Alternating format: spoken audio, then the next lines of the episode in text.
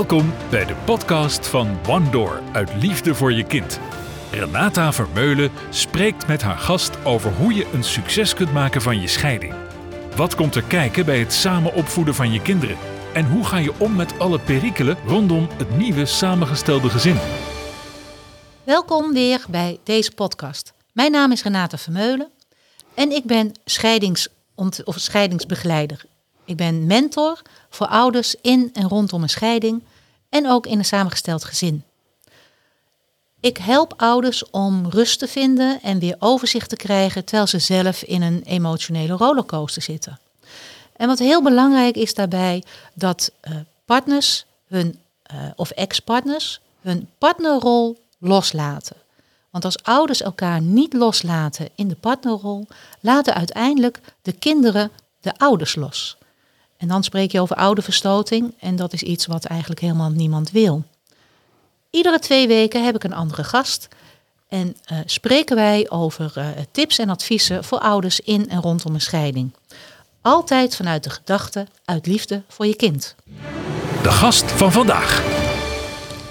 En vandaag is mijn gast uh, Marloes van de Heuvel. Welkom. Dank je Renata. Fijn dat je er bent.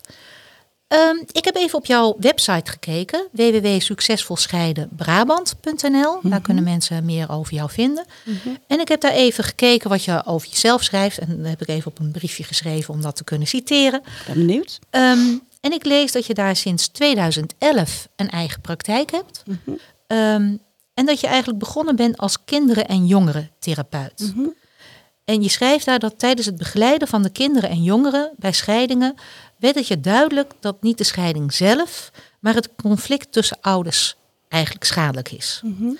uh, en daarom ben je met ouders gaan werken. Zeker, klopt. klopt. Oké. Okay. Um, en zelf ben je moeder van drie kinderen. Dat heb ik ook ergens gelezen. Um, zou je jezelf nog even wat meer willen voorstellen aan okay. de luisteraars en kijkers? Oké. Okay. Nou ja, nou, ik ben dus Marloes van de Heuvel. Um, wat je net al zei, ik ben inderdaad uh, elf jaar geleden gestart met mijn eigen praktijk. Als, in eerste instantie als kindercoach. Dus dan heb je het meer over de basisschoolleeftijd. Daarna kinder- en jongerentherapeut. En dan komen de pubers naar boven. Dus uh, dat was ook wel een mooie, mooi proces van kinderen naar pubers en naar jong adolescenten. En in eerste instantie met allerlei soorten hulpvragen. Dus niet alleen over scheiding, dat was toen mm -hmm. ook eigenlijk nog niet. Maar de sociaal, sociaal-emotionele problematieken. Um, en ouders gaan uh, vragen van God, uh, mijn kind heeft ander gedrag en wat kunnen we eraan doen? Dus dat, dat was heel breed. Maar allengs um, kreeg ik eigenlijk steeds meer uh, kinderen van gescheiden ouders, ook jongeren. En kreeg ik ook te maken met ouders, dus meer en meer. En toen werd het me inderdaad al vrij snel duidelijk dat, um, wat, wat je net ook zei, dat het conflict tussen ouders, uh, ja, dat heeft een hele grote impact op kinderen. Um, en ja, tijdens mijn uh, begeleiding met kinderen waarvan ik de ouders nog niet zag, dan kun je best wel wat. Dan kun je best wel uh, spreken over, of praten met de kinderen, spelen met de kinderen. En uiteindelijk is het ook heel fijn, wat ik echt heb gemerkt, dat ze, um, ze kwamen naar mij en ze voelden geen oordeel. He, geen oordeel over papa en geen oordeel over mama. Hoe fijn is dat? Want een kind bestaat ja, wel uit 50% mama, 50% papa. En als dat onder druk komt te staan, dan voelen ze het dan intern. Dus dat is wel, uh, dat heb ik ook, ja, dat, dat merk je. Dat, dat is ja, het zogenaamde loyaliteitsconflict. Daar gaan we het zo meteen ook nog uh, ja. uitgebreid over hebben. Ja. Um, maar je kwam dus in je praktijk steeds meer kinderen tegen die te maken hadden met een scheiding thuis. Ja, klopt. En dat heeft jou ertoe gebracht om meer met de ouders te gaan werken? Ja, dus ja, ik zal een voorbeeld uh, geven. Op een gegeven moment het, was een kind van zes, die zei van papa en mama maken altijd ruzie. Oké, ik zeg nou, wanneer? Uh, ja, die maken altijd ruzie. Dus ik zei tegen vader van bij een evaluatiegesprek van, um, uh, maken jullie ruzie waar de kinderen bij zijn? Nou, we spreken elkaar helemaal niet. Ik zeg oké, jullie spreken elkaar niet. Hebben jullie dan wel een keer contact? Ja, bij de wissel. Hè, bij het wisselmoment. Ik zeg, ja, hoe gaat dat dan? Um, nou ja, um, ik ga de auto uit, ik zet het tas voor de deur en ik ga meteen weer en ik ga weg. Ik zeg, wordt er iets gezegd, wordt er iets goedemiddag of goedemorgen. Nee, nee, nee, want eh, dat doen we niet. Dat, hebben we, dat is beter zo. Ik zeg nou, een kind van zes, die ziet dat. Die ervaart dat. En die zegt eigenlijk met haar vermogens, ehm, papa mama maken ruzie. Want ze, zien gewoon, ze ziet geen contact tussen jullie. Nou, en dat is in een kind van zes, in de beleving van een kind van zes, ruzie. Ja. Dus dat was, en dat was eigenlijk een aanleiding om te zeggen van, oh, er moet, er, er moet meer komen voor kinderen. En eh, dat was eigenlijk een stukje van, nou ga ik meer me richten op de ouders. Of ook, eigenlijk allebei. Want Ja. ik doe het tot nu toe nog steeds kinderen. Maar meer naar eh, de kern van het, eh, van het probleem. En dat zijn, zijn de ouders. Ja. Nou, leuk om te horen hoe je eh, ja, eigenlijk zo je praktijk ontwikkeld hebt, ook richting eh, scheidingscoach. Eh, zo hebben we elkaar ook leren kennen, hè, samen bij- binnen Succesvol Scheiden eh, Nederland. Ehm, eigenlijk voordat we naar de serieuzere zaken gaan, wil ik op een speelse wijze nog wat meer van jou weten. Goed zo. Recht uit mijn hart. Het kaartspel voor ouders en kinderen in scheiding. Nou, en dat doen we via de kaartjes van Recht uit mijn hart van Malike Lips. Gebruik ik ook heel veel in mijn praktijk. Eh, als het even vastloopt of als het te serieus wordt. Ik hou altijd van een beetje humor. Ehm, nou ja, weet je, als het te zwaar wordt. Soms Ja, worden de, de onderwerpen zo zwaar. En dan, dan is het gewoon goed om eventjes eh, het wat luchtiger aan te pakken. Dus wat ik ga doen. we zitten ver van elkaar af. Dat kan niet anders in deze tijd. Dus ik kan je niet zelf kaartjes laten trekken. Want zo, zo lang zijn onze armen niet. Eh, dus ik trek een kaartje. Drie. Die sjoel ik naar jou toe. Kom maar. En ehm, mocht er nou een kaartje tussen zitten waarvan je zegt van nou dat is echt niet van mij eh, van toepassing of het is te privé, hè? iedereen luistert mee, dan eh, mag je zeggen ik wil graag een andere. Ehm, en dan mag je hem zelf voorlezen en daar antwoord op geven. En dan leren we jou wat op speelse wijze kennen. En dan na afloop trek ik ook nog een kaartje voor mezelf. Oké. Ga je gang? Ehm. Oké, ik pak eh, dit. Ehm, het, op het kaartje staat: Kinderen hebben het recht om met hun ouders te kunnen zijn en niet te hoeven kiezen. Ehm, ja, daar draait het eigenlijk om. Daar, daar draait het om. Kijk, als je gaat scheiden, ga je letterlijk uit elkaar. Als partners. Hoe mooi is het als het kind dat niet hoeft te doen. Want een kind heeft een vader en een moeder. En denkt daar eigenlijk niet bij na als ze klein zijn en voelen liefde en aandacht van vader en moeder. Maar op het moment als ze daadwerkelijk uit elkaar gaan, dan, dan stopt ook de vanzelfsprekendheid van het kind. En dan, dan oh, oh, uit, hm, papa en mama uit elkaar? Hoezo?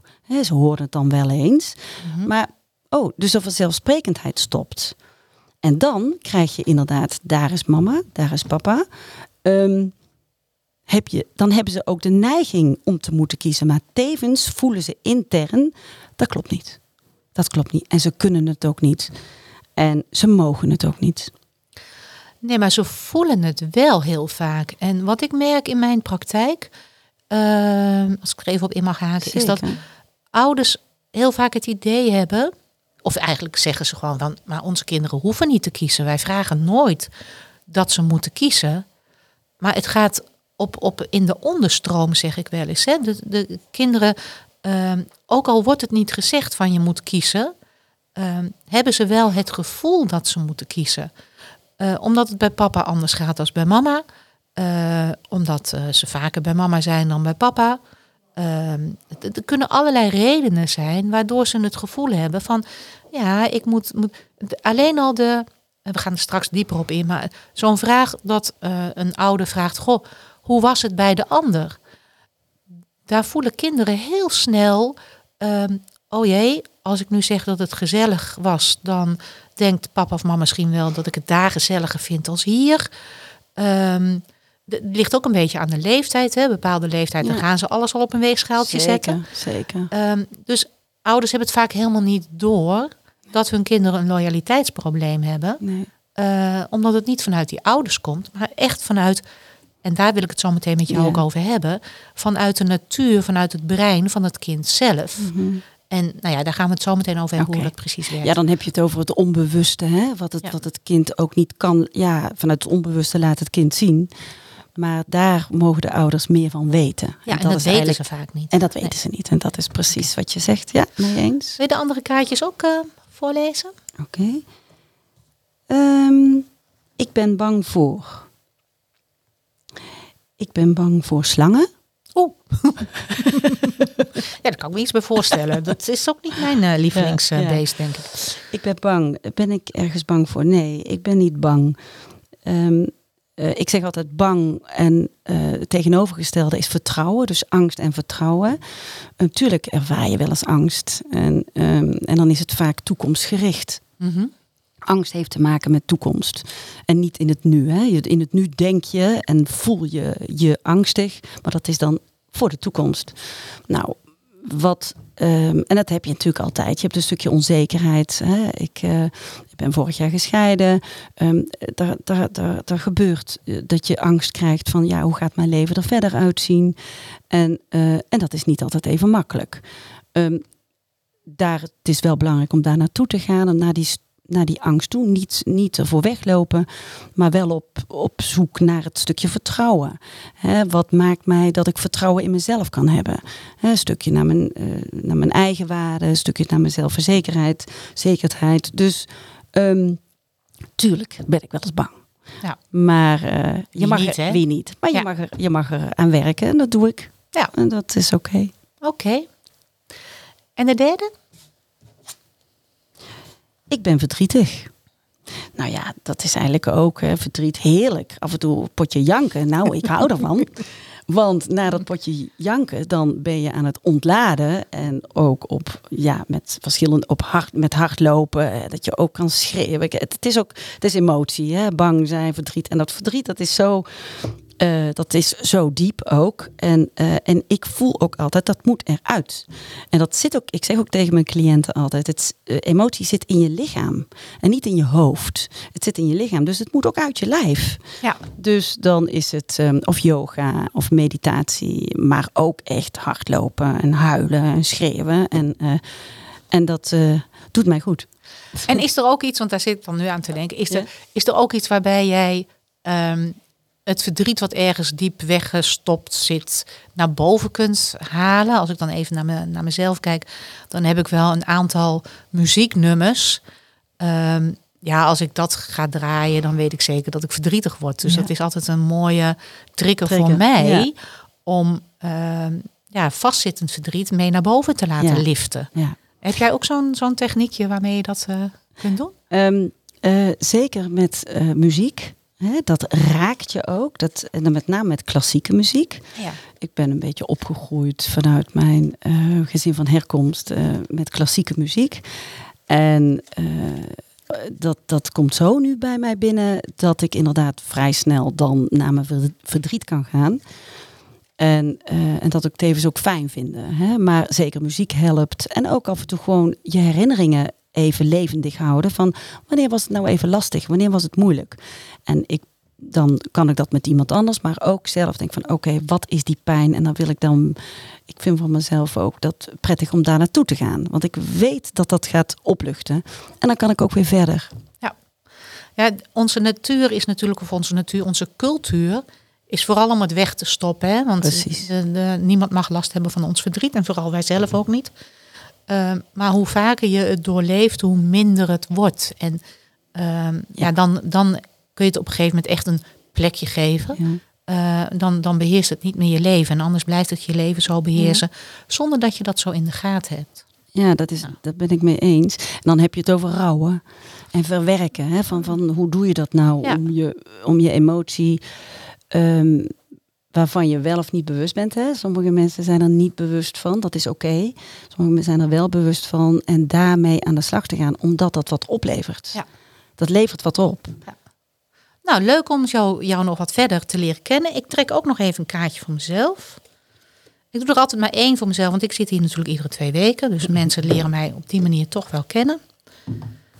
Ehm, zo ziet mijn huidige gezin familie eruit. Eh, nou, daar kan ik heel makkelijk over zijn. Eh, ik heb een hele leuke eh, vriend, Jan. En die heeft twee dochters. En, nou, Malou en Demi. Mhm. En ehm, wij hebben ook nog vier honden. Dat hoort ook echt wel bij ons gezin. Draait, draait ons gezin wel, Mhm. wel om. Andere huisdieren hebben we op dit moment niet meer. We hebben ook vogels gehad. En, maar op dit moment vier border collies. Nou, Oh, daar heb je ook je handen vol aan. Ontzettend leuk. En eh, dus nou, zo ziet mijn eh, familie er op dit moment uit. Leuk. Heel gezellig. Heel leuk. En ja, ik ben er echt super gelukkig mee. Dus dat eh, gaat, gaat hartstikke goed. Ehm, ik denk dat het tijd wordt voor eh, serieuzere zaken. Oké, Renata. Het thema. Het onderwerp van vandaag is hoe houd je de relatie goed met je kinderen na een scheiding. Eh, De vorige keer heb ik het eh, met eh, Edwin gehad over ouderverstoting. Ouderverstoting, dat betekent dat eh, eh, kinderen die voorheen een goede band hadden met hun beide ouders, een van de ouders niet meer wil zien. Nou, dat komt vaker voor rondom een scheiding. Het is zelfs zo, en ik zal even wat cijfers opnoemen, dat 25% eh, ziet uiteindelijk een van de ouders niet meer. Waarvan 20% niet meer de vader en 5% niet meer de moeder. Ehm, en het contactverlies is 36% Je hebt 36% kans op contactverlies als een vader het eerste jaar na de scheiding ehm, eigenlijk het kind weinig ziet. En ehm, voorheen was er natuurlijk met alle omgangsregelingen van de weekendregelingen. Ja, eh, ik zeg ook wel eens uit het oog, uit het hart. Zelfs met ouders. Als je een ouder zo weinig ziet. Eén keer in de twee weken een weekend. Ik heb dat wel eens uitgerekend. Het is niet zo'n moeilijke rekensom. Maar dat zijn, eh geloof 24 dagen in een jaar. Dat is nog geen maand in een jaar. Hoe kun je op zo'n manier een goed contact houden hè, met je ouder? Gelukkig zijn de omgangsregelingen en de zorgregelingen steeds uitgebreider. Wordt er steeds vaker gekozen voor co-ouderschap. Ehm, nou, daar zitten allemaal voor- en nadelen aan. Daar gaan we het nu niet over hebben. Mhm. Uh, maar het is belangrijk om het contact met je kind gewoon goed te houden. Ehm, en dat is lastiger als dat je denkt.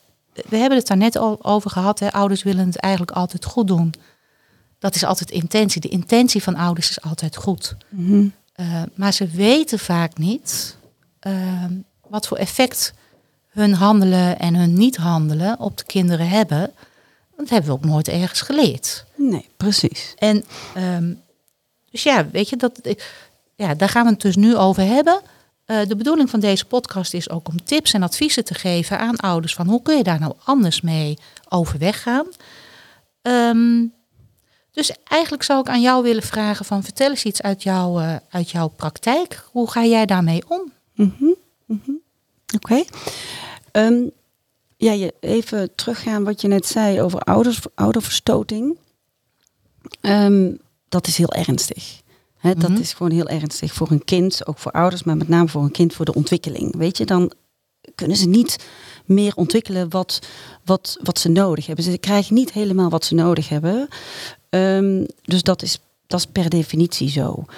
Um, ouderverstoting, uh, het gedrag wat bij ouderverstoting hoort, um, dat is inderdaad, als je dat leest bij uh, ouders, hè, die komen mm -hmm. bij mij, die hebben niet door dat dat zo gaat gebeuren. Hè, dat, dat, dat, dat, zo, dat het signalen zijn dat leidt tot ouderverstoting als ze bij mij komen op een bepaald moment, dan is het ook heel belangrijk, en welk moment dan ook, om dat ouderverstoting te voorkomen. Ja. En dat is natuurlijk heel mooi. Daar wil ik heel even naartoe gaan, omdat ouderverstoting uh, daarvoor, het traject daarvoor, wil zeggen dat er dus pijn is. Er is pijn tussen de partners.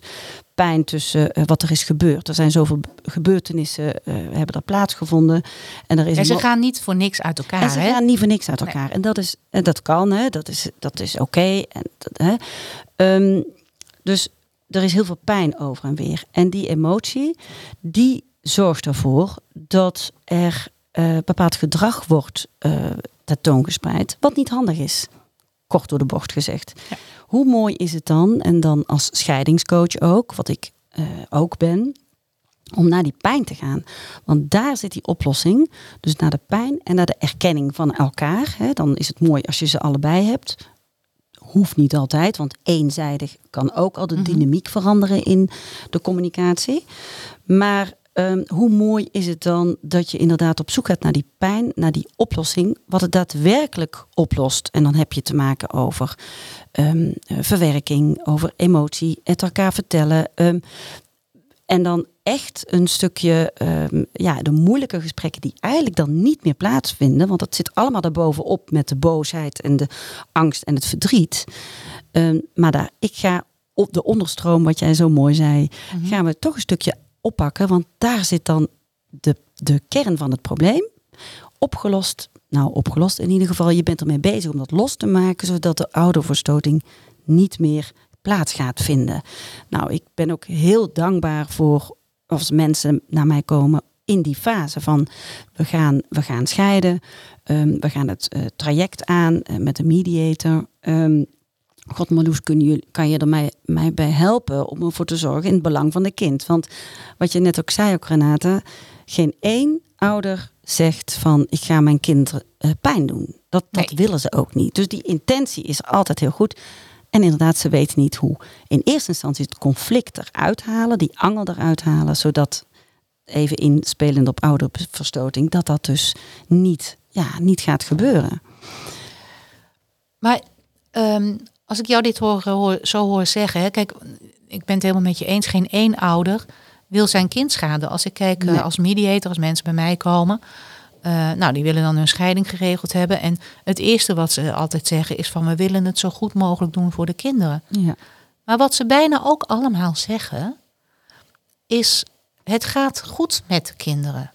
En ehm, wij hebben dan onderling wel oneenigheid en ruzie en we willen niet meer samen verder. Maar we zitten op één lijn wat betreft de kinderen. Dus daar komen we wel uit. Daar verwachten we geen problemen. Ja. Ehm, en die problemen komen eigenlijk altijd.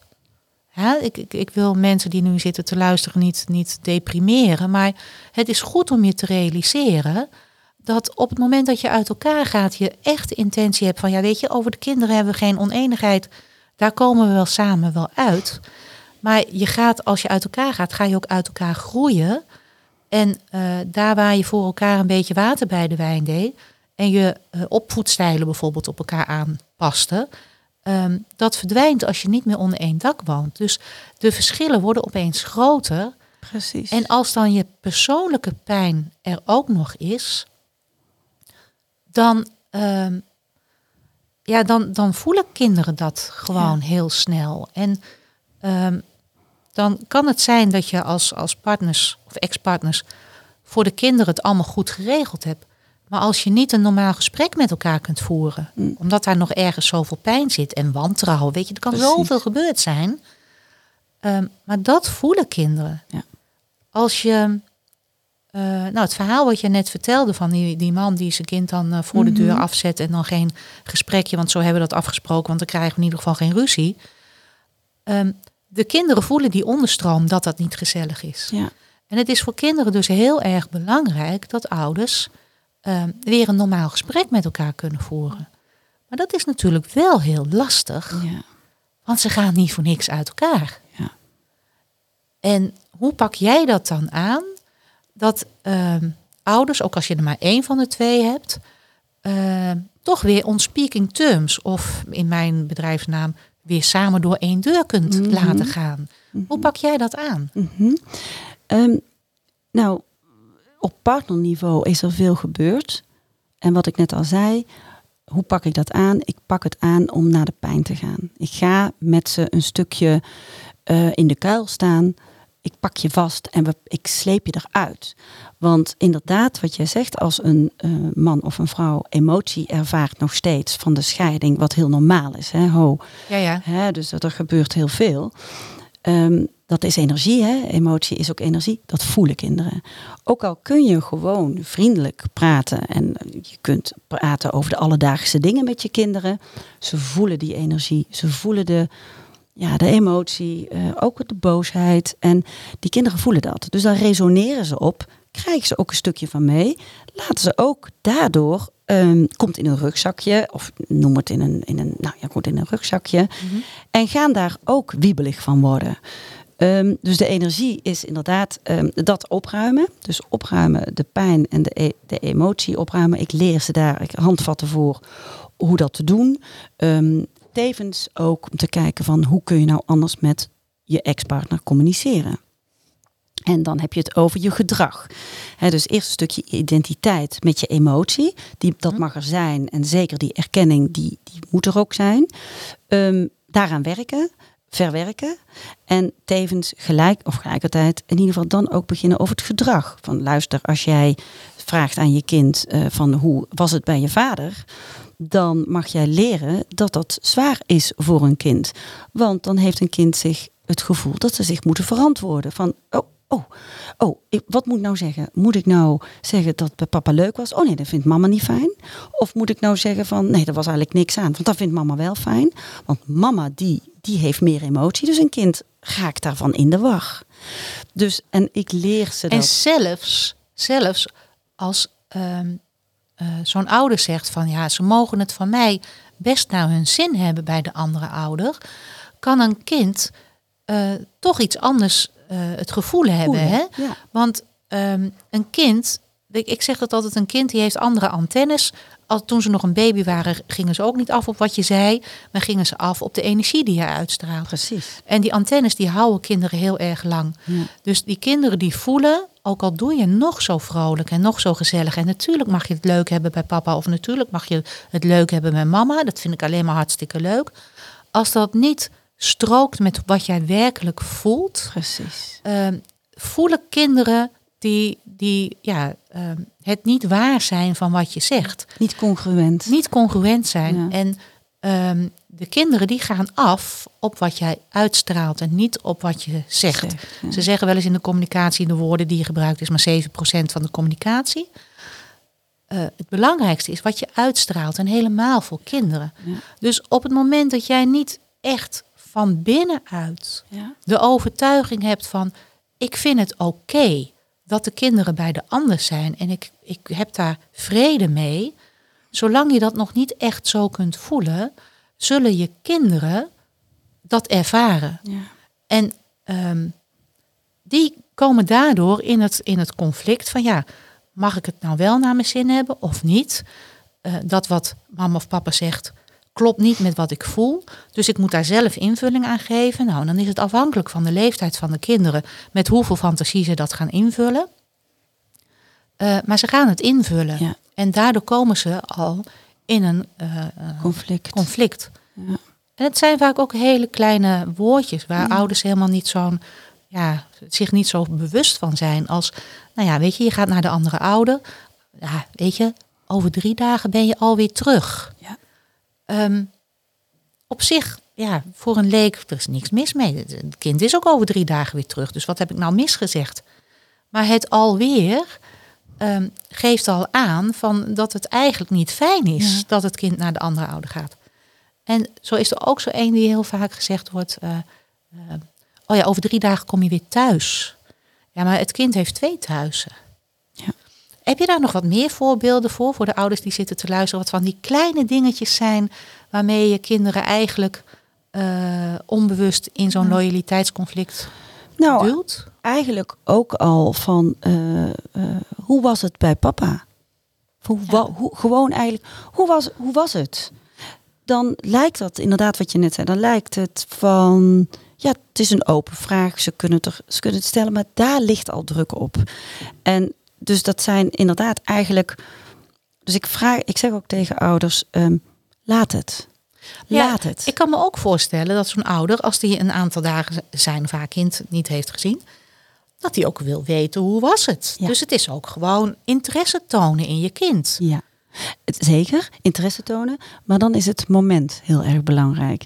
Niet als ze uit de auto stappen na een wisselmoment of een half uurtje later van hoe was het eigenlijk? Nee, eh, dat, dat, het is heel belangrijk om dat natuurlijk te laten plaatsvinden. Spelenderwijs of tijdens het eten of je haakt, je haakt ergens aan. Of op een gegeven moment gaat een kind als ze zich veilig voelt zelf praten over dat ze naar de speeltuin zijn geweest. En dat moet je creëren. Mag je creëren voor ouders. Dat, ze dus de, dat de, kinder, de kinderen zich veilig voelen. Om, en dat doe je door inderdaad niet te veel te vragen, maar het kind te volgen. Want als een kind terugkomt van, een, eh, van vader of van moeder, is het altijd eventjes van slag. Dan voelt dat altijd van. Het is, het is altijd lastig voor een kind. Ehm, ze komen uit een andere energie, met andere emoties. En dan komen ze weer bij papa of mama met andere energie, andere emoties. Een kind moet gewoon ook wennen weer dat ze weer ergens anders zijn. Dus Ze moeten acclimatiseren. ze moeten gewoon letterlijk acclimatiseren. En gun je kind dat dus. Geef het de tijd. En langzaam als je ze... En dan, dan ga je zelf ook zakken. Want je bent natuurlijk ook een stukje emotie. Laat het zakken. En dan komt het ook wel vanzelf. En eh, leg het er niet te dik bovenop. En als het niet vertellen, en dat is natuurlijk heel moeilijk, is het ook oké. Maar wat je dus eigenlijk zegt, als ik het eh, ehm, even samenvat, als ik bedenk, wat kunnen ouders nou doen? Hè? Kind is een paar dagen bij de andere ouder geweest, die komt weer terug. Eigenlijk moet je niks zeggen. Ja. Want als je vraagt van, eh, eh, of als je zegt, leuk dat je er weer bent, dan zit daar ook weer iets in van, oh, dus het was niet leuk dat ik er niet was. Ja. Dus in feite zeg je hoi en het kind komt binnen en laat het kind, het kind is gewoon thuis, dus die gaat zich Dingen installeren en dingen Ja. doen. En ehm, ja, dan komt het kind vanzelf op een gegeven moment met een verhaal.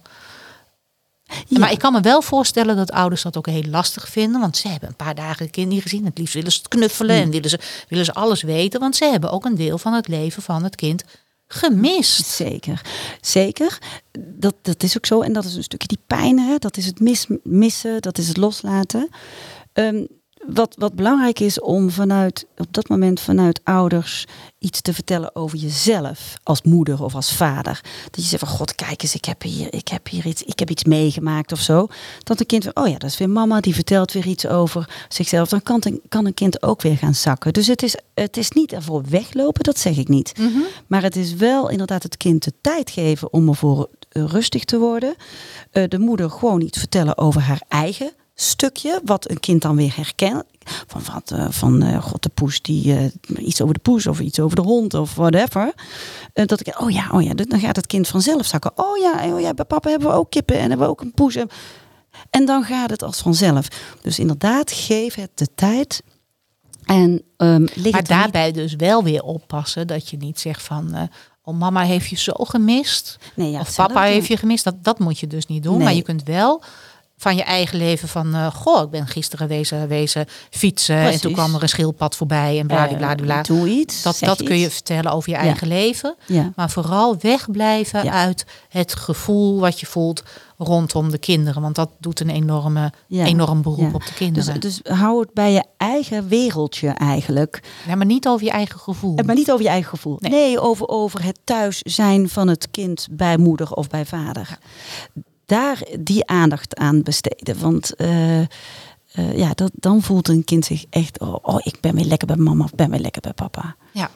Nou, ik denk dat dit wel een hele mooie, mooie tip is, hè, hoe je daarmee om kunt gaan. Ehm, heb ik er nog wel eentje eh, gehoord, wat ik nog even wil uitdiepen, is ehm, op het moment dat die overdracht er is, hè, dat eh, ehm, ja, papa en mama elkaar zien. Nou, het niet als een pakketje afzetten voor de, voor de voordeur, hè, dat is echt, eh, eh, ja, als, als dat de enige oplossing is, dan moet er echt eh, meer hulp komen om te zorgen dat die situatie verandert. Precies. En ehm, wat, wat vind jij nou de meeste ideale overdracht? Ik, ik zie het dan altijd zo voor me van, nou weet je, loop even bij elkaar naar binnen. Ehm, laat het kind even zelf zijn, zijn, zijn weg weer vinden. En ga gewoon even aan de keukentafel praten over het weer. Ja. Koetjes en kalfjes. Ik ben gisteren wezen fietsen en er kwam een, eh, schildpad. vlinder voor, een schildpad voorbij. Weet je, over dat soort dingen. Ja. Maar niet over de kinderen. Want dat Nee. worden vaak dan weer zware gesprekken. Ja. Dus Hoe zie jij dat? Ja, nee, ik ben het met je eens. Eh, bij een wisselmoment waar we het dan hè, nu zo over hebben, is het belangrijk dat de kinderen zien dat ouders nog ouders kunnen zijn. En dat wil zeggen met elkaar praten, non-verbaal iets uitstralen dat het oké is. Hè? De intonatie oké is, want dan hebben we het over de communicatie. Hè, 7% woorden, eh 55%. eh, nou goed, de non-verbaliteit is Mhm. natuurlijk enorm. Ehm, dat kun je de ouders ook leren, hè, dus dat is ook wel. Ehm, en inderdaad, heel even naar binnen, zodat de ou- die kinderen, die, voor de kinderen is dat heel belangrijk, koetjes, kalfjes, Het hoeft niet lang te zijn, maar dan ook goeie, gewoon goeiedag zeggen en dan weer weg. Heel even naar binnen en dan ook weer weg. Dat is denk ik het meest ideale. En, eh, en soms gaat het ook wat meer. En soms, hè, weet je, want het, het moment als dat niet is, dat wil ik dan nog eventjes wel eh, expliciet zeggen. Daar is de auto, daar is het huis. En het kind wordt uit de auto gezet en vader loopt niet mee of moeder loopt niet mee. Kun je je voorstellen wat een kind voelt op, dat, op die 4, 2, 1 meter wat, zij, wat dan voelt. Dus dan moet het van vader lopen over dat pad naar moeder. Nou, in die twee, drie of vier seconden gebeurt ontzettend veel. En dat moet je vermijden. Want, nou goed, dat. dat... Maar, maar wat, wat gebeurt er dan in, in het brein of in het gevoel van zo'n kind? Ik mag niet. Ik mag eigenlijk niet bij papa zijn, ik mag niet bij mama zijn. Dus heel eenzaam. Het is heel eenzaam. Het is een ik, ik mag het niet. Ik, ik, ik krijg geen permissie. dus heel, ik zeg ook vaak tegen ouders: geef permissie aan je kind dat je bij je vader mag zijn. Geef permissie dat je bij moeder. En hoe doe je dat als ouder? Um, um, uh, om dat uh, ook te zeggen. Van um, uh, ik, vind het, ik, vind het, ik vind het fijn als je bij papa bent. Dat is, dat is dubbel, hè? Dus je, ja. dan zeg je dat vanuit jezelf naar vader of naar, naar mama. Ik vind het fijn als je bij mama bent. Oh, dus dat vind je fijn. En ik ben bij papa. Dat is, dat is twee vliegen in één klap. Ja. Tuurlijk zeg van, ja, mag naar papa. Ja, dat, je mag naar papa. Maar als dat met een bepaalde energie gebeurt, dan is dat niet oké. Maar ik vind het fijn als je bij papa bent. Want dan kun jij ook leuke dingen doen. Ja. En, of ik vind het leuk als je bij mama bent. Want dan kun je ook leuke dingen doen. Ik geef uh, mijn uh, uh, ouders, of mijn ouders, mijn klanten, de ouders die klant zijn bij mij. Um, geef ik ook altijd het advies om um, dat ook non-verbaal door te geven door de kinderen altijd naar de andere ouder te brengen. Want op het moment dat je een kind naar de andere ouder brengt, geef je ook expliciet toestemming om daar te zijn. Die permissie. En nu is dat natuurlijk niet altijd uh, praktisch in te uh, delen, want de een heeft wel een auto, de ander heeft geen auto. En dus uh, soms wordt een kind gehaald. Maar dan nog kun je hem brengen, want je kunt hem naar de auto brengen. En ja. je kunt het koffertje of de tas meenemen en die tas achter in de auto zetten. Ja. En je kunt uh, nog even uh, praten bij de auto, nog even, want ja. je hebt binnen even gekletst. Zeker. Je kletst buiten, je zet het kind in de auto en je zwaait niet van achter een gordijntje, maar je zwaait gewoon vanaf straat. Uh, breng het kind even naar die auto. Je, want ook wat jij -hmm. zegt hè, net, um, als ze alleen dat stuk van de voordeur uh, naar de auto moeten lopen, of van de auto naar de voordeur, voelen ze zich heel eenzaam. Ja.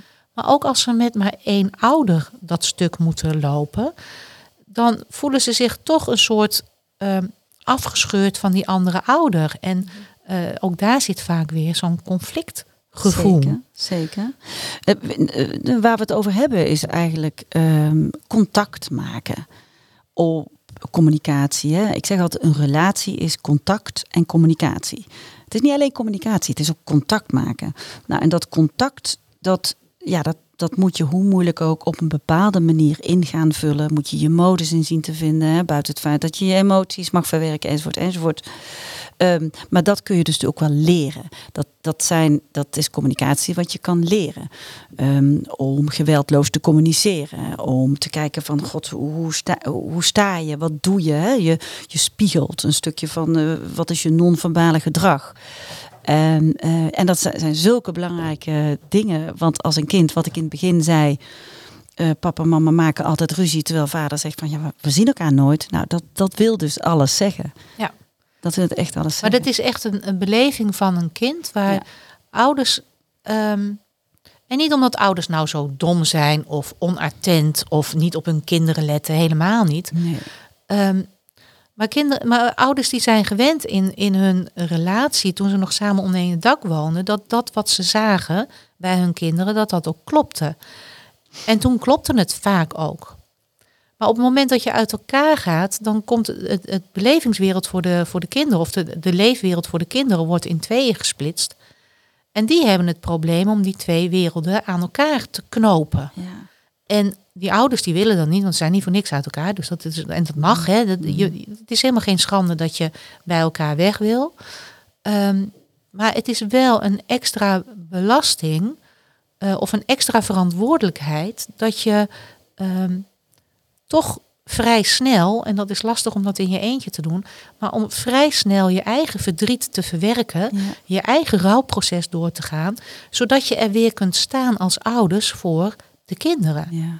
En ehm, waar je eh, ja, bij een normaal rouwproces kunt zeggen van ja, neem er de tijd voor die je nodig hebt, heb je nu wel een, een paar kinderen of één kind die ehm, jou nodig heeft om dit nieuwe leven in te richten. Mhm.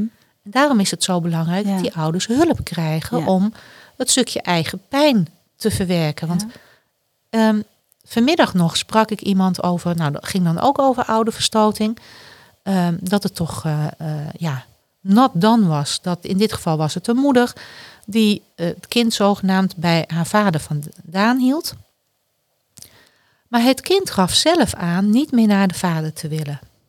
Nou, dat is natuurlijk gegroeid, hè, zoals jij net vertelt over de kind voelt dat er ruzie is en die gaat op een gegeven moment kiezen. Ehm, maar die moeder, die snapt dat het kind niet naar die vader wil, want zij wil ook niet naar die vader. Dus zij denkt haar kind te steunen Ja. in de wens om niet naar de vader te gaan. Ja. En dan wordt er gesproken over ouderverstoting is kindermishandeling. En die moeder heeft zoiets, hoezo kindermishandeling? Ik steun mijn kind in haar wens om niet meer naar haar vader te gaan. En op dat moment is het wel heel lastig om zo'n moeder ehm, het inzicht te geven dat het voor zo'n kind toch beter is dat zij eh, haar kind stimuleert om naar de Ja. vader te gaan. Maar dat is het Heb- uitgangspunt, hè? Je, je wilde nog iets vragen? Nee, nee, nee, ga Ja, ja dat, dat is ook echt eh, de visie ook van mij en van jou ook. Dat ehm, het beste is als, ouder, als kinderen beide ouders blijven zien. Punt. Ja. Vanuit dat gegeven werk ik ook. En geef ik ook hulp. Ehm, je zei net rouwproces. Ja, dus hè, in dit geval zeg je van moeder, die, moet dat, hè, die mag dat gaan verwerken. Maar het kind heeft ook een rouwproces. Ja. En, en dat rouwproces bij kinderen loopt ook zo. Hè? Dan zijn ze ook weer boos en dan zijn ze eh, weer verdrietig en dan zijn ze boos. En ze moeten ook die fase door. En dat leer ik ouders ook. Dus zij zitten in een verwerkingsfase, maar het kind ook. En eh, buiten het feit dat, dat wat jij zegt van eh, ja, ik luister naar mijn kind. ehm, want als zij niet wil, dan, dan luister ik naar haar. Dus ik, ik voorzie haar behoeften. Denkt ze in, inderdaad, op gedragsniveau is dat het behoefte wat ze denkt van ja, ik, ik, ik ga echt mee in mijn kind, dat doe ik toch goed. Maar er zit een dieper liggende behoefte. En die ligt er, en daar ga ik ook naartoe om te zeggen van nee, jouw zoon of jouw dochter hebben beide ouders nodig.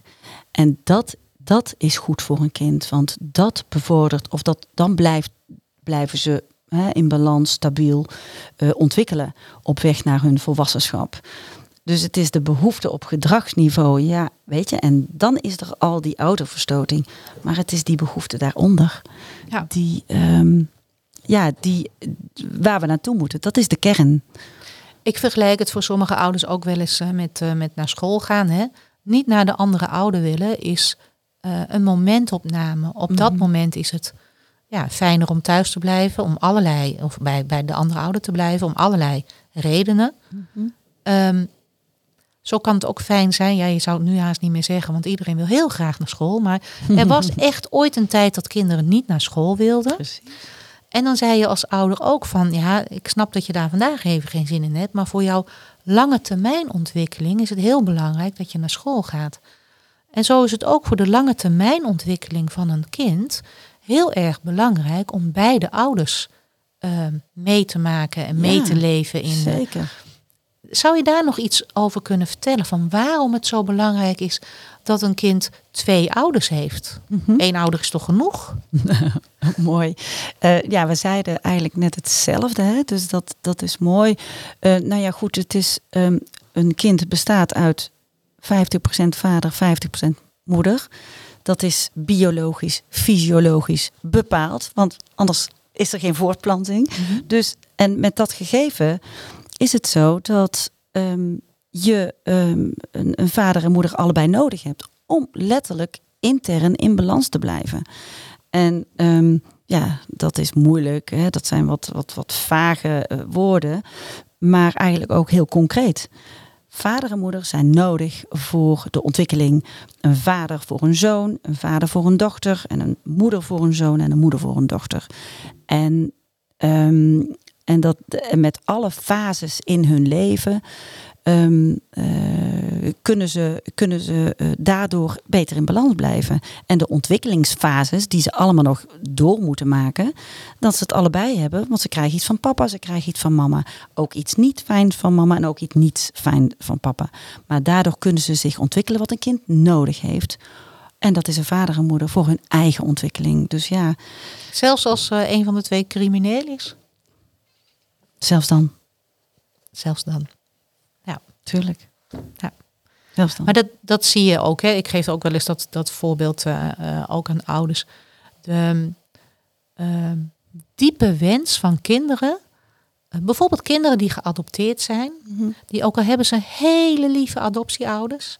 Er komt een moment dat ze op zoek gaan naar hun roots. Mooi voorbeeld. Ze willen weten wie hun vader is.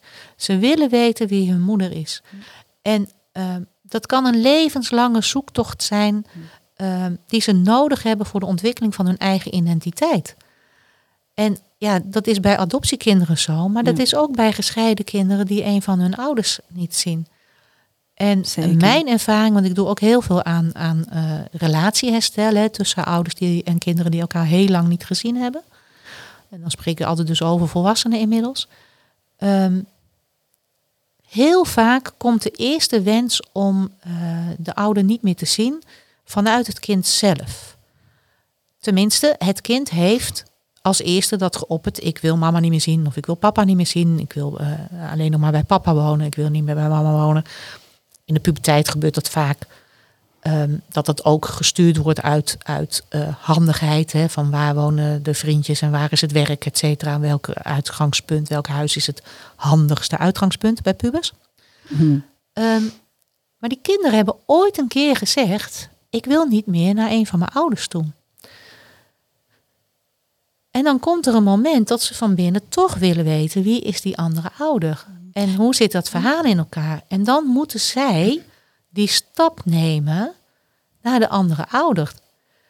Maar vaak is die deur dichtgegooid, omdat er ergens in dat traject is, is of in, in, in al die tijd, is er door die ouder geroepen de liefde moet wel van twee kanten komen. Ik heb er al zoveel energie in gestopt.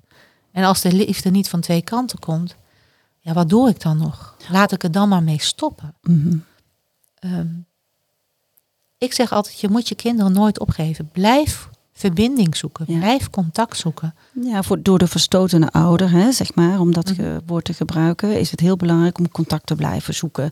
Hè, als er helemaal geen contact is, dan, dan is dat heel belangrijk. En dat kan in verschillende vormen. Hè, of een kaartje of een appje als dat nog kan. Of, maar wel opgezette tijden. Niet te veel, want het kind kan het niet aan. Mhm. Het kind kan niet meer de liefde die die vader of moeder wil geven, kan ze niet aan of hij niet aan, omdat dat zo is gegroeid, inderdaad, wat je net zei. Dus contact houden is heel belangrijk. Ik kijk dan ook altijd hoe.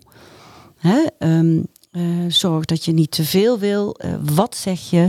Uh, dat, dat is heel een zorgvuldig proces. En dat kun je ook in kaart brengen. Dat je zegt van oké, okay, je gaat langzaamaan um, opgezette tijden een uh, contact maken op wat voor manier dan ook. En Kun je daar een voorbeeld van geven? Wat, wat zou je iemand adviseren die nu zit te luisteren van... nou, ik heb mijn dochter al heel lang niet meer uh, gezien of gesproken. Hoe kan ik weer eens contact leggen? Zeg je dan, ja. stuur eens een kaartje? Ja, ja het is natuurlijk wel uh, afhankelijk van de, van de situatie. Hè? Want, zomaar een appje sturen, dat, dat kan soms wel en dat kan soms niet. Um, uh, wat, wat, wat ouders wel eens doen van ik mis je. Nou, dat moet je niet zeggen. Dat is nee. niet handig om te zeggen. Dat is weer vanuit je eigen emotie. Um, Daarmee doe je eigenlijk weer een beroep op ja. je kind. Hè? Terwijl ja. je eigenlijk ja, geen beroep op een kind wil doen, maar de deur open wil zetten. Ja, dan lukt dat niet. Dan, dan gaat dat kind, daar kan een kind niks mee. Want een kind zegt, ja, want mama, papa, dat is jouw emotie. Een jong kind kan dat niet zeggen, maar dat, dat zeggen ze. Het is, ik kan niks met jouw emotie, kan niks met jouw boosheid. Um, een, nou, in ieder geval verjaardagen zeker niet vergeten. Weet je, dat kan op verschillende manieren. Ehm, eh, als ze wat ouder zijn, met in het kader van geld, pubers wat ze fijn vinden, afgestemd op de leeftijd. Ehm, eh, een kaartje of een kaartje in de bus. Ehm, nou, weet je, ja, dat kan van alles. Kan ook een appje zijn. Um, want vaak is ook, ja, er is ook helemaal geen contact meer met de ouders. Hè? Nee. Er is ook geen contact meer met de ouders. Nou, als dat al niet meer is, ja, dan, dan kijk, je hebt verschillende vormen natuurlijk in, wel, in welke uh, stadia er een vorm van ouderverstoting is, ja, dan alles is met de grootste zorgvuldigheid kijken van wat zijn die woorden, hoe vaak doe je dat en wat geef je aan je kind op basis afgestemd op de leeftijd. Ja. ja. En als het even kan, want dat hoor ik je nu ook wel weer even tussen neus en lip zeggen. Um, ga, probeer toch te werken aan de relatie met de andere ouder. Ja. En uh, het mooie is met, met de techniek die wij en de interventies die wij toepassen, um, dat je daar de andere ouder niet voor nodig hebt. Je kunt in je eentje, uh, dat klinkt heel raar, maar het, het bewijst zich wel iedere keer weer. Je kunt je in je eentje kun je een wereld van verschil maken. Door eerst, waar we aan het begin al over hadden, je eigen pijn en je eigen verdriet en je boosheid. En niet alleen op dit moment dan over de scheiding, maar ook de periode daarna, hè, waardoor het zo gegroeid is dat je je kind niet meer zoveel ziet. Ja. Uh, dat is ook weer pijn, dat is ook weer een rouwproces. Daar moet je iets aan doen, waardoor je zelf uh, nou vrij van emoties vind ik een erg groot woord, maar wel neutraler komt te staan in de emoties, waardoor je je kind daar niet mee belast, de verantwoordelijkheid bij jezelf kunt houden. En dan op een, op een open en vrije manier uh, ja, een, een, weer een open deur hebt voor je kinderen. Nou, want wat je zegt, um, die communicatie is heel belangrijk. Uh, ja, dat kan op een neutrale manier. En men, ouders zeggen ook van, ja, maar dit is toch een neutraal appje? Of dit is toch een neutrale mail? Ik zeg nee, want er zitten andere energieën op. Hè? Vaak uh, vanuit ongelijkwaardigheid of uh, vaak een moeder-kind of uh, dus ouder-kind patronen. Wat je ziet, wat dus in de relatie heel erg is ontstaan. Um, dat zit in dat mailtje. Hoe kort ook. En als ze daar inzicht in krijgen, en dan hebben ze inzicht. Ze gaan verwerken, daar hadden we het begin al over. En dan kun je wat neutraler met elkaar communiceren. En dan eh, kun je ook je doelen bereiken zonder conflict. Ja. ja. Nou, het is heel mooi uh, uh, wat we eigenlijk allemaal uh, besproken hebben. Heb jij nog iets wat je, waarvan je zegt van nou, daar moeten we het eigenlijk ook nog even over hebben? Um, um, nou, niet zo.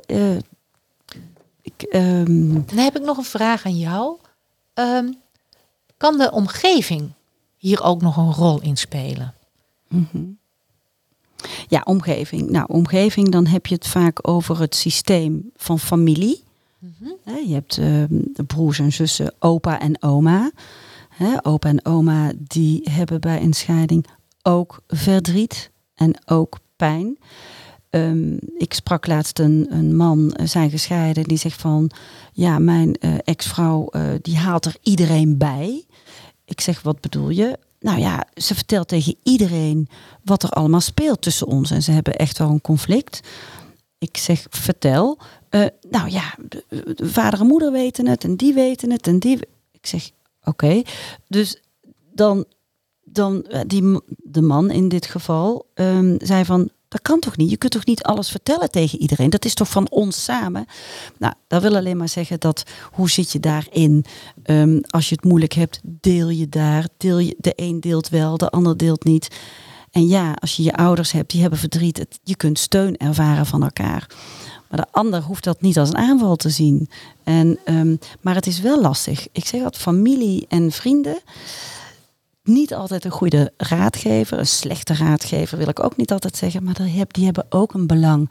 Die hebben ook emotie en vanuit die emotie communiceren ze. En dat is voelbaar. Het is fijn als je bijvoorbeeld steun krijgt van een vriendin, van God Marloes of uh, Renate, van het is, het is moeilijk voor je. Dat is fijn, dat is het herkennen van, van verdriet. Daar kun je, hè?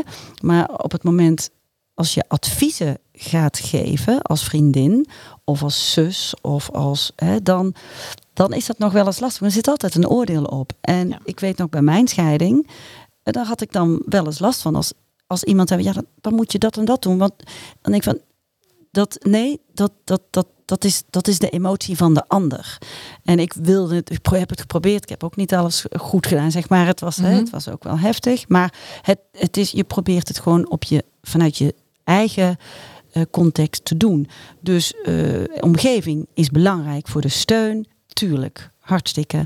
Maar ben voorzichtig wel met adviezen. Want daar zit ook emotie op. En eh, kun je niet altijd wat mee. Nee, ik heb een, eh, een voorbeeld op dit moment eh, uit mijn directe praktijk. Eh, dit zijn twee mensen die via de rechtbank naar mij eh, eh, Mm. doorverwezen zijn. Want die kwamen voor een een vervangende toestemming voor iets eh, bij de rechter. En die rechter had zoiets van, ja, als je hier vervangende toestemming voor vraagt, dan sta je hier iedere maand weer voor iets anders. Dus probeer daar nog even met eh, eh, de mediator en de coach samen uit te komen.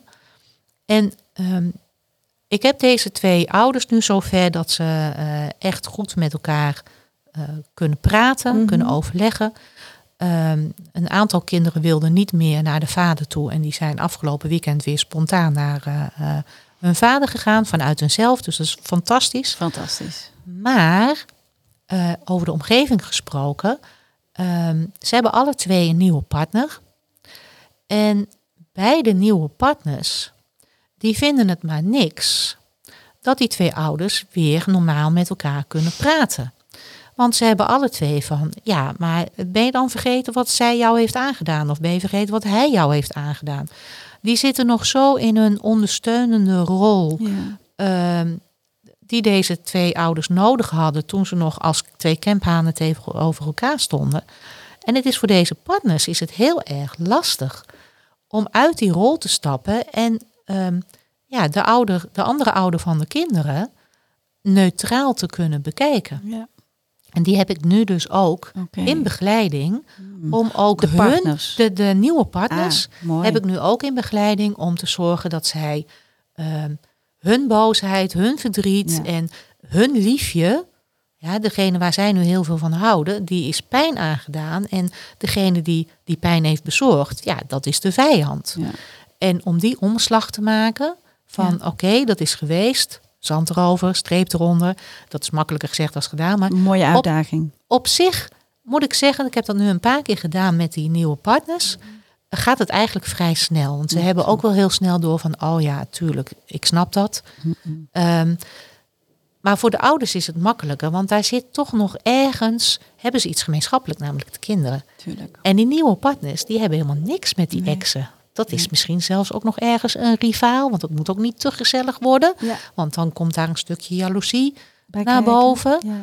Nou, dat zijn allemaal weer hele andere emoties. Ja. Eh, maar wel, wel even naar gekeken moet worden. Mooi, want je, je zit dan eh, in verweven in de verschillende systemen. Hè, je hebt eerst het vader en moeder uit elkaar, nieuwe partners. Dat is een systeem, dat is een systeem. Ehm, als ouders is weer een nieuw systeem. Dus Dus alle- drie systemen in elkaar. alle nieuwe systemen hebben hun eigen rol eh, en mogen ze een rol innemen. En ik maak dat ook altijd uit elkaar en duidelijk met poppetjes. Van, Ja. het, is een, het is een andere rol die je nu hebt. En ja, dat betekent eh, ja, loslaten. Weet je, dat, dat woord is, eh, wordt vaak gebruikt, maar het is natuurlijk wel zo. Ja. Dat is natuurlijk wel Ja. zo. Het is loslaten. Dat is niet altijd even makkelijk. Nee. En het is ook over je eigen schaduw heen stappen. Ja. En, ehm, maar op het moment dat je ze allemaal met het vizier op de kinderen krijgt. En dan echt, hè, dat, ze hebben dat allemaal. Maar ze weten gewoon niet wat er Hoe? nou precies bij de kinderen gebeurt. En hoe daarmee om te gaan. En hoe daarmee om te gaan. Ja. En dat is een leerproces. En gelukkig ehm, ja, kiezen steeds meer ouders ervoor om dat stukje te leren. Ja. Ik zeg ook wel, ik heb het ergens gelezen. Ehm, ehm, hoe was het ook weer? Het ouderschap is het terrein van de amateur. Voor alles kunnen we lessen volgen. Hè? Als, je, als je wil leren skiën, als je wil leren schaatsen, als je wil leren paardrijden, als je wil leren koken, kantklossen, noem maar op. Eh, rijbewijs heb Ja. je nodig voordat je in een auto kunt stappen. Ja.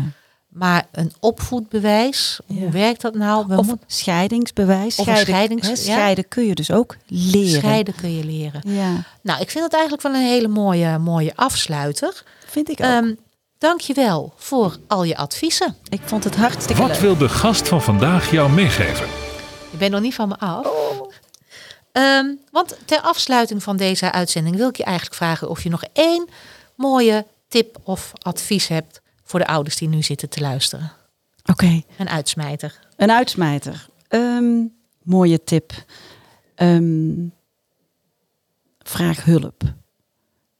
Denk, het is ehm, een hulp in de zin van ga klankborden om en doe dit voor je kind. Nou, daar kan ik me volledig eh, bij aansluiten. Eh, en daarbij wil ik ook zeggen, nou, wat we net zeiden over die omgeving, ga klankborden.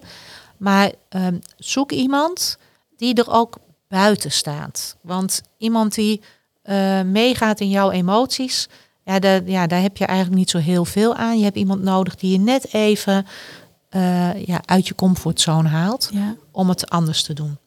Nou, hartelijk dank dat je mijn gast was. Jij Vond- bedankt Renata. Ja, nou, graag gedaan. Eh, iedereen bedankt voor het eh, kijken en luisteren. Over twee weken dan zitten we hier weer en we een nieuwe podcast. En dan is Roos Boer weer mijn gast. En gaan we het hebben over vreemdgaan. Dus dat wordt ook weer een leuke uitzending. Iedereen bedankt voor het kijken en graag tot over twee weken. Dit was een podcast van One Door Mediation and Coaching. Wilt u meer informatie naar aanleiding van deze podcast? Kijk dan op www.uitliefdevoorjekind.nl. One door uit liefde voor